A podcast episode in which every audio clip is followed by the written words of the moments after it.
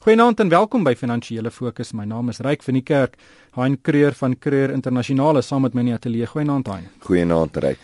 En Amelia Morgenrood van PSG gesels uit Pretoria. Goeienaand Amelia. Goeienaand Ryk. Vir dit was werklik 'n baie interessante nuusweek hier vroeg in die jaar. Die Europese Unie het 'n geweldige groot kwantitatiewe verruimingsprogram aangekondig waardeur hulle meer as 'n triljoen euro in die Europese geldmark wil inpomp en dit lyk na 'n noodgedwonge poging om ekonomiese groei in die streek te verhoog. Dan het die wêreld se grootste sakelei en politici in Davos in Switserland saamgetrek vir hulle jaarlikse ego-streel sessie by die Wêreldekonomiese Forum en die regering het nog 6 miljard rand vir die Suid-Afrikaanse lugdiens gegee om sy vliegtye in die lug te hou. Maar kom ons begin by Mario Draghi van die Europese sentrale bank. Um, hy het aangekondig dat die bank meer as 'n triljoen euro in staatseffekte gaan belê om likwiditeit in die streek te verhoog. Uh, nou 'n triljoen euro is 'n geweldige groot hoop geld. En, en en hy hoop dat die rent, dat dit rentekoerse verder sal verlaag en op rekordlae vlak hou en dan kan ondernemings nou toegang kry tot baie goedkoop geld en dan hoop hy dat die ondernemings gaan hierdie geld gebruik om 'n nuwe projekte te belê en om hulle ondernemings uit te brei en in die proses mense in diens te neem en ekonomiese groei aan te wakker. Uh dink jy dit kan gebeur? Ek dink dit kan gebeur. Ek dink nie dit gaan so maklik gebeur as in in Amerika nie.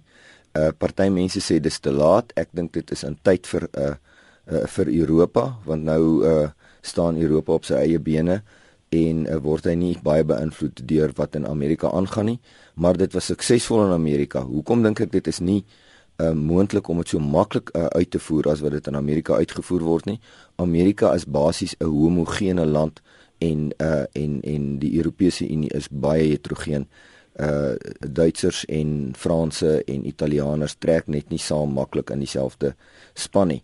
Maar ek's baie positief daaroor en ek is baie positief vir die effek wat dit op Suid-Afrika gaan hê want ek dink die direkte effek wat dit op Suid-Afrika gaan hê is uh baie meer as wat uh, as wat die kwantitatiewe verruiming in uh, Amerika op Suid-Afrika sou gehad het as gevolg van die geskep van hoër likwiditeit in die markte.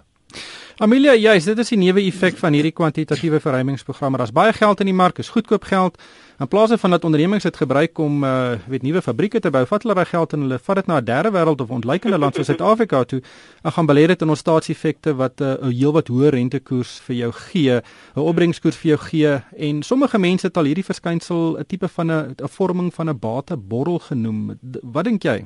Kyk, dit is moontlik. Ek dink daar is 'n 'n 'n mate daarvan wat waarskynlik sal gebeur. 'n Gedeelte van die van die geld sal waarskynlik in daardie rigting invloei, maar in Amerika het die um, kwantitatiewe ruiming verseker gewerk want ons het gesien oor hierdie periode van 'n uh, uh, klompie jaar hoe stadig maar seker die arbeidsmark verbeter het en hoe indiensneming verbeter het en hoeveel werksgeleenthede daar geskep is. Nou goed, ehm um, mense kan redeneer dat ehm um, 'n gede groot gedeelte daarvan het na die het na die energie sektor toe gegaan waar die uh, baie van hierdie skaliegas en ehm um, daai tipe projekte het baie werk geskep in Amerika maar nogtans ehm um, het dit die doel gedien wat dit wat dit moes dien. Ehm um, dit het miskien baie geld gekos en ehm um, daar's ander neeweffekte, maar dit het gewerk. So hopelik sal dieselfde effek sal ons dieselfde effek in Amerika sien. Ag in in Europa sien eintlik ehm um, ryk hierdie het ons nie 'n keuse nie of het Europa nie 'n keuse nie en die wêreld het nie 'n keuse nie. Hulle sal maar net moet ehm um, dit is die enigste manier of die enigste plan wat daar is om die probleem van deflasie en ehm um, ehm um, die die die die, moontlikheid van resessie in Europa om aan te spreek. So dit is eintlik maar basies daar's 'n ander manier om dit nou meer reg te kry nie, want rentekoerse is al reeds ehm um, op 'n baie weet so, so, so laag as wat dit kan wees. So kwantitatiewe verruiming is op die einde van die dag maar die enigste beleidswapen wat hmm. ehm um, die sentrale bank nog oor het om te gebruik. Maar en weet as ons nou ons is 2015 eh, die Amerikaners het net na die krisis in 2008 met hierdie program begin en toe was dit ongelooflik omstrede. Uh, mense het gedink hulle is amper mal. Ehm um, hmm. die Europese het weet hierdie statige houding ingeneem en gesê nee, ons gaan onsself uit hierdie krisis uitspaar. Hmm.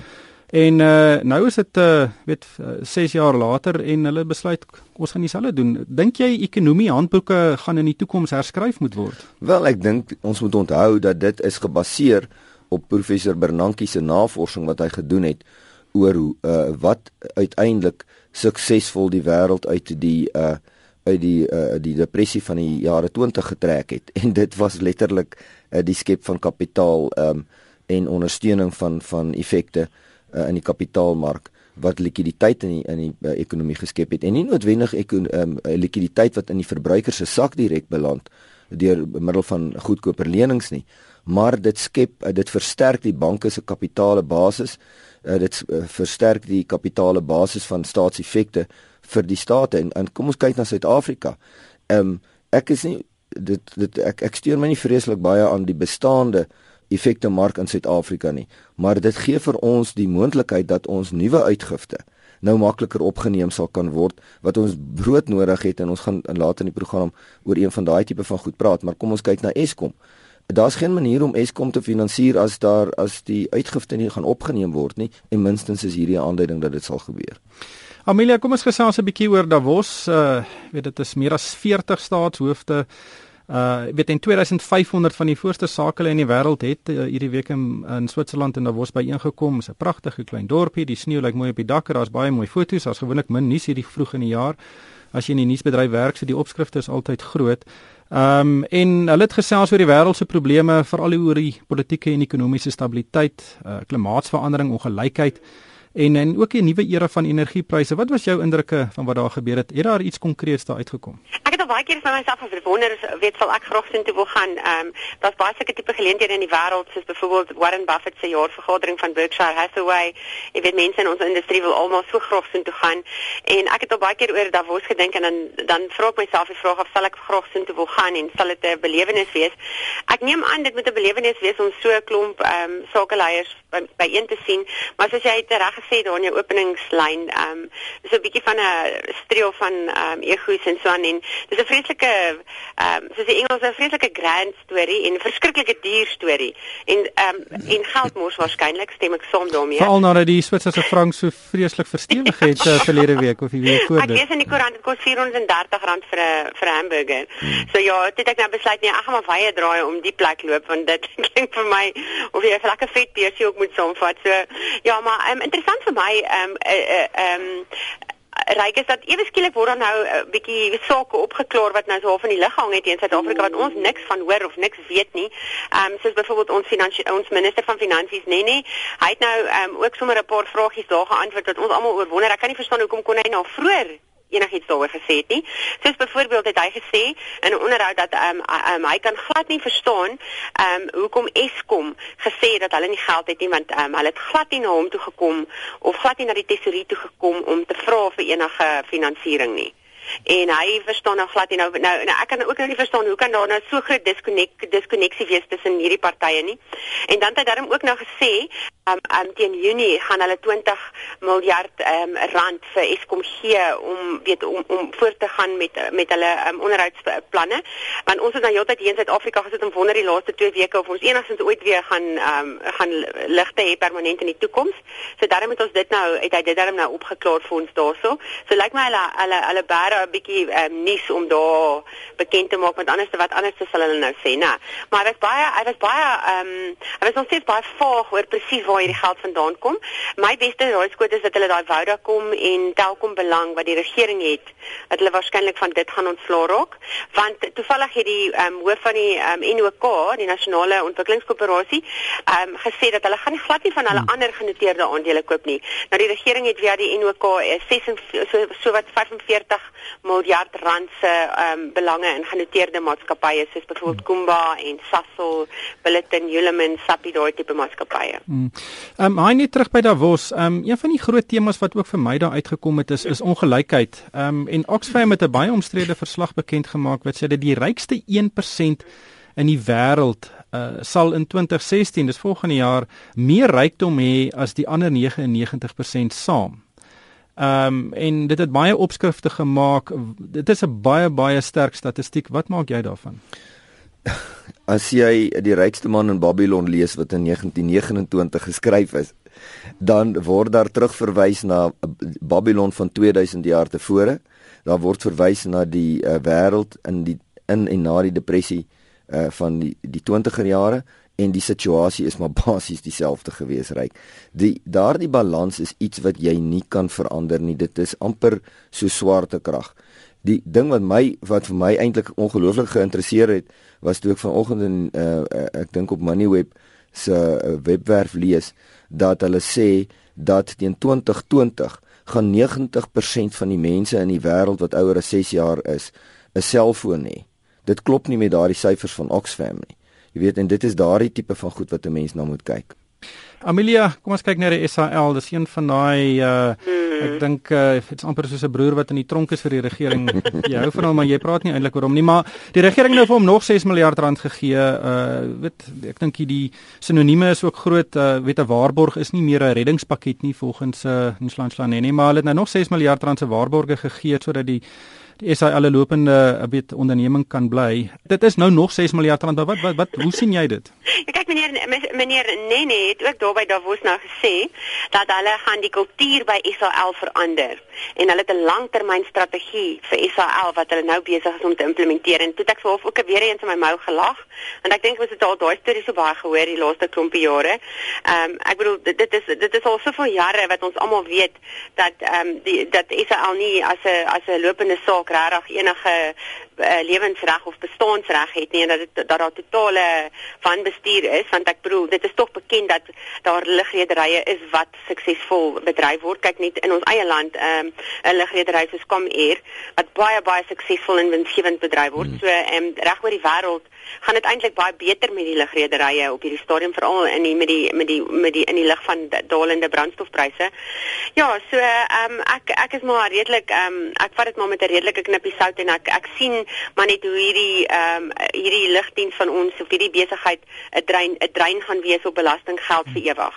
Die afgelope 2 jaar, 'n bietjie net meer as 2 jaar het die regering nou al 14 miljard rand se in aanhalingstekens waarborge gegee vir die SAL. Hein as ek my my sommer reg is, ek dink die Gauteng se etol snelweë was omtrent 30 miljard rand wat net 'n bietjie meer as dubbel is as 14 miljard rand. Miskien kan daai geld meer produktief gebruik gewees het om vir daai paaie te betaal. Ja, definitief want dit gaan nog vir vervoer, jy weet en jy sê die regering dan dink ek die hele tyd dis dis die belastingbetaler en wie is die belastingbetaler in Suid-Afrika? Dit is letterlik ehm um, 'n minder as 10% van die totale bevolking wat uh, 100% van die belasting betaal en daarvan word 60% deur 1% van die bevolking betaal. Jy weet, ehm um, vier omtrent 400 400 500 000 mense in die land. En dis hulle wat dit betaal. En hulle is toevallig die mense wat die meeste vlieg. En ek het net hierdie week weer 'n uh, vliegkaartjie terugbespreek Kaap toe. En uh, daardie vliegkaartjie, 'n derde daarvan gaan vir die vliegkaartjie, die res is vir allerlei belastings en, hmm. en en en en brandstofheffings. Amelia, goeie nuus. Inflasiesyfer van 5,3% is laer as wat verwag is. En dit lyk asof hy soos 'n klip val. Hoe lees jy die inflasiesyfer? Kyk, in hierdie see van sagte nuus is, is ek so dankbaar vir die um, oliepryse wat um, so hmm. skerp gedaal het en lyk of hy maar nog steeds besig is om af te kom. En danksy dit het die prys van ehm um, het dit deurgevloei na die prys van voedsel, van kos, van ehm um, vervoer en ehm um, danksy dit het ons het ons inflasieprys uh, van oor 6% afgekom na 5.3% en die die beste van alles is dat ons waarskynlik nog 'n baie groot daling gaan kry in die brandstofprys volgende maand. En dan gaan ons waarskynlik nog nog 'n daling verder daling sien in inflasie en die die beste nuus ooit is dat ehm um, dit dit dit die druk verlig van die monetêre beleidskomitee van die Reservebank om rentekoerse iewers op in die toekoms in hierdie jaar op te stoot soos wat hulle eh, so tipe van aangedui het verlede jaar. Ehm um, nou goed minister Nene het ook ehm um, ons ver, ver, vergas daarso by ehm um, by Davos deur te sê ehm um, in 'n onderhoud dat ehm um, hy gesê beleidsmakers wil eers kyk wat die uitwerking van die laer oor die prys op die ekonomie is voordat hulle so 'n stap sal oorweeg soos om rentekoerse te laat te te, te, te sny. Nou volgende week, ek dink donderdag vergader die uh, voor ons die uitkoms van die monetêre beleidskomitee weer. So hy het nou klaar gesê rentekoerse gaan nie daal nie. So ons weet so sê my nou dat ehm um, dat eintlik dat rentekoerse onveranderd gaan bly en dat ons dalk vorentoe nog laer inflasie gaan sien. Ja, hein, weet weet nee nee, is ook nou nie in die in die uh, eh, MPC nie, maar hierdie moet as dit so aanhou gaan ons regtig geforseer word amper om rentekoerse te verlaag net juis om ekonomiese groei te probeer versnel. Ja, ek dink uh, jy weet as dit net sal deur uh, deurvoer na die na die verbruiker toe en dat die verbruiker da, uh, daarmee sal sorg dat hy sy uh, dat hy sy skuldlas sal verminder deur daardie ekstra kapitaal in sy sak eerder aan sy kapita kapitale skuld te delg. Ek is bevrees dit gebeur nie ryk. Die mense gaan weer op uh, inkoopie orgies uh, wanneer sulke goed gebeur en dit en vir en verhoog hulle skuld en ek dink gister het daar syfers uitgekom wat juis wys dat ons nou die afgelope 'n klompie maande nou 'n uh, tipe van 'n afplatting gehad het in die skuldsituasie van mense en dat mense met agterstallige skuld se agterstallige skuld verminder het. So hierdie ding kan daartoe bydra as ons luister as ons luisteraars, as ons verbruikers net sal luister en dit is gebruik jy ekstra geld in jou sak om jou kapitaalskuld te verminder. Ongelukkig het die tyd ons ingehaal. Baie dankie aan Amelia Morgenrood van PSG en Han Creer van Creer Internasionaal en van my ryk van die kerk. Dankie vir die saamluister en ek koop almal 'n winsgewende week.